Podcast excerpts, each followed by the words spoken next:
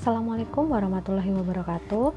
Saya Ramadina Ulfanuristama, peserta Latsar CPNS Kementerian Agama 2021, Angkatan 5, Kelompok 3. Berikut merupakan episode ke-11 dari serial Latsar CPNS Kemenak 2021.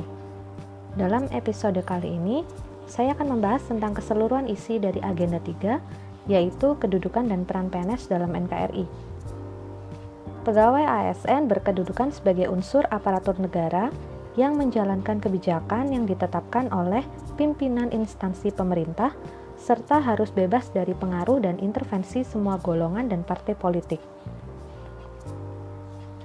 Sedangkan peran ASN yaitu sebagai perencana, pelaksana, dan pengawas penyelenggaraan tugas umum pemerintahan dan pembangunan nasional melalui pelaksanaan kebijakan dan pelayanan publik yang profesional, bebas dari intervensi politik, serta bersih dari praktik korupsi, kolusi, dan nepotisme. Berikut tugas-tugas ASN. Yang pertama yaitu melaksanakan kebijakan yang dibuat oleh pejabat pembina kepegawaian sesuai dengan ketentuan peraturan perundang-undangan. Yang kedua, memberikan pelayanan publik yang profesional dan berkualitas.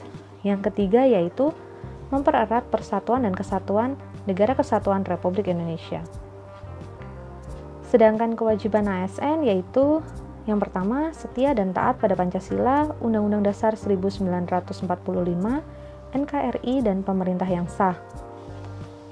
Yang kedua yaitu menjaga persatuan dan kesatuan bangsa.